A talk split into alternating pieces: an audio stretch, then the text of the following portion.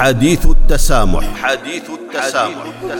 التواصل مع الحضارات والأمم يعزز التآلف الإنساني ويقدم انموذجا للتعايش مع الآخر وبما يؤدي إلى تحقيق أسباب السلام. حديث التسامح برنامج يعده ويقدمه معالي الدكتور محمد بن سعيد المعمري. وزير الأوقاف والشؤون الدينية. حديث التسامح, التسامح.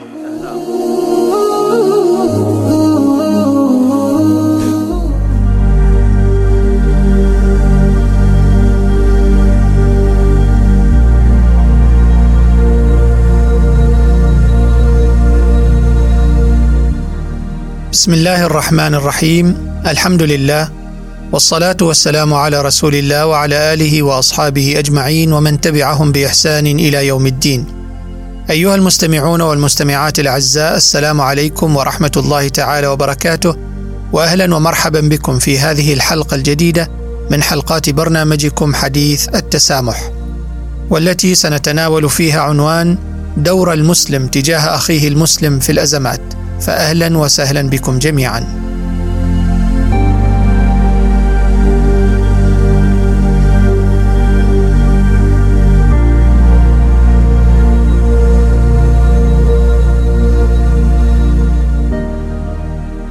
أعزائي المستمعين والمستمعات إن الإسلام بتعاليمه السمحة ومبادئه العظيمة يقدم للعالم أنموذجا فريدا للتكافل الإنساني والتضامن الاجتماعي.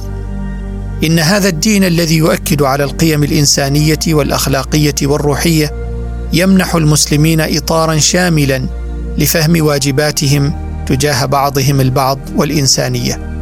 وفي هذا السياق نلقي الضوء في هذه الحلقة على الكيفية التي يمكن من خلالها تجسيد بعض من التعاليم الإسلامية في العمل الإنساني.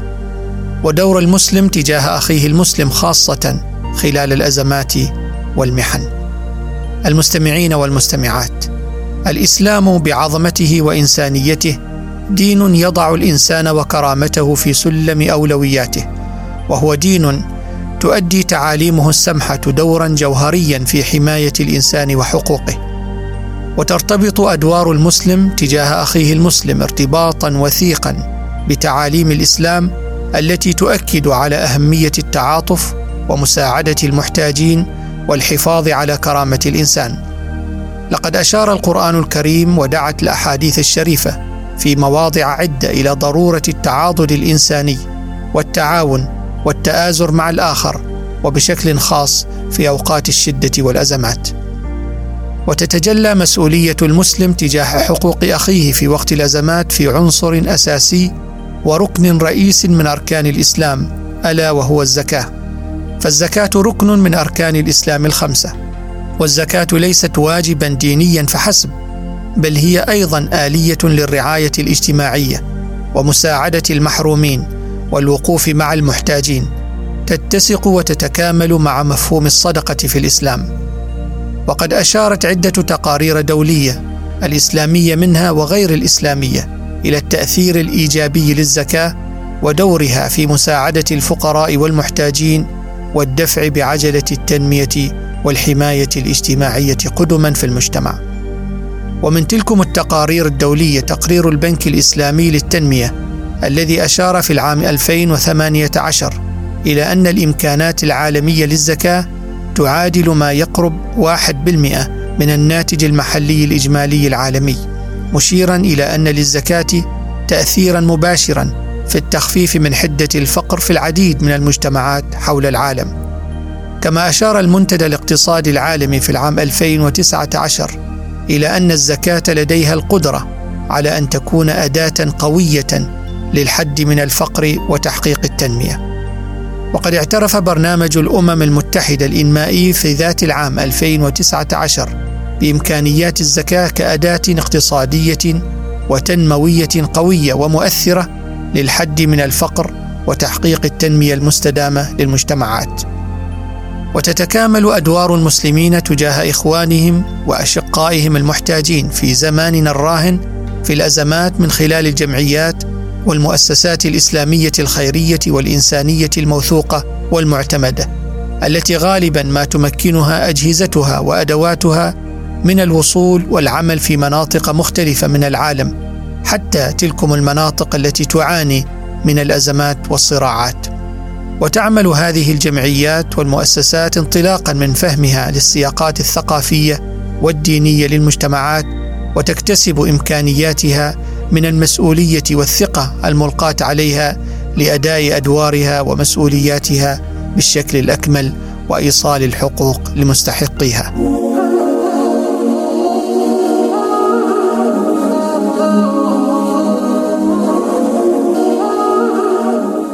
حديث التسامح التواصل مع الحضارات والأمم يعزز التآلف الإنساني ويقدم انموذجا للتعايش مع الآخر وبما يؤدي إلى تحقيق أسباب السلام.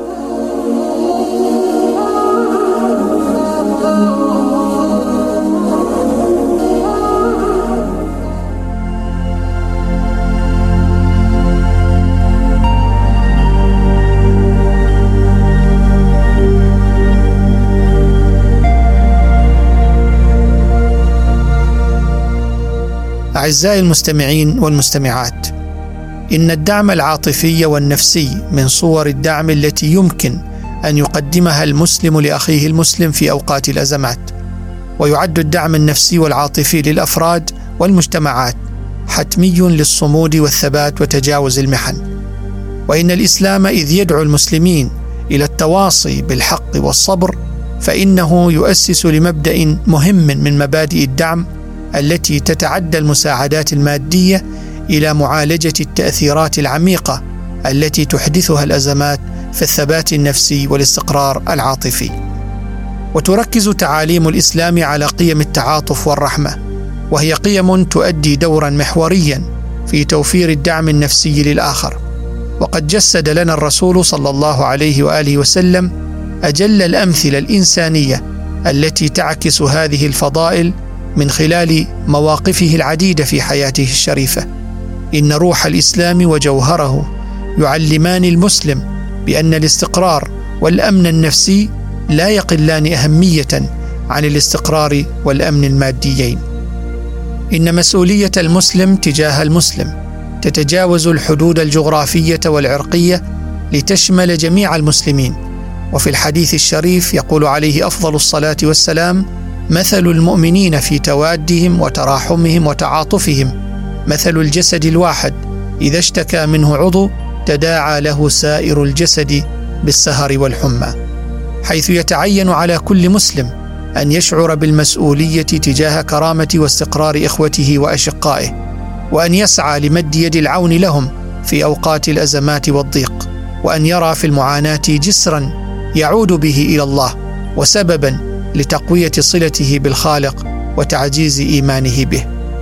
أيها المستمعون والمستمعات، إن من الأدوار المهمة التي يمكن أن يطلع بها المسلمون للوقوف بجانب إخوتهم في المحن والأزمات تعزيز المعرفة وزيادة الوعي حيث يمكن لهذين الأمرين أن يعززا من جهود إنقاذ الأرواح وحماية الحقوق وفي هذا السياق فإن للعلماء والمؤسسات الدينية مسؤولية دينية وأخلاقية توجب عليهم تسخير أصواتهم ومنصاتهم لتثقيف مجتمعاتهم حول القضايا الإنسانية وفي مقدمتها قدسية النفس واحترامها.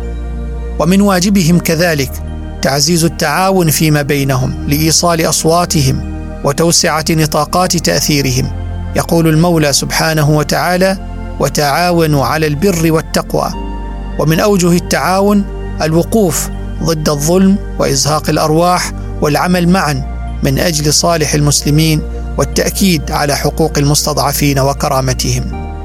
وفي جوهر الأمر فإن تعزيز المعرفة وزيادة الوعي وتكامل أدوار العلماء والمؤسسات الدينية من شأنها أن تسهم في تشكيل المواقف الإنسانية الثابتة وتعزيز جهود الحفاظ على الأرواح واحترام حقوق الإنسان.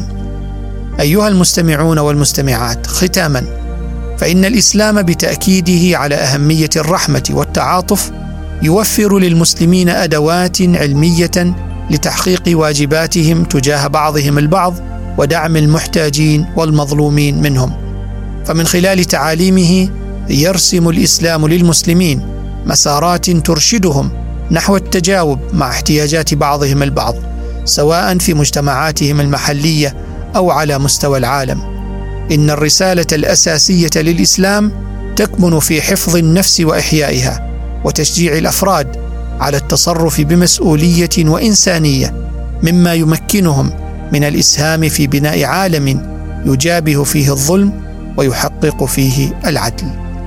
نقف عند هذا الحد ونكمل الحديث معكم في حديث التسامح في حلقة مقبلة بإذن الله، حتى ذلك الموعد نستودعكم الله. والسلام عليكم ورحمة الله تعالى وبركاته.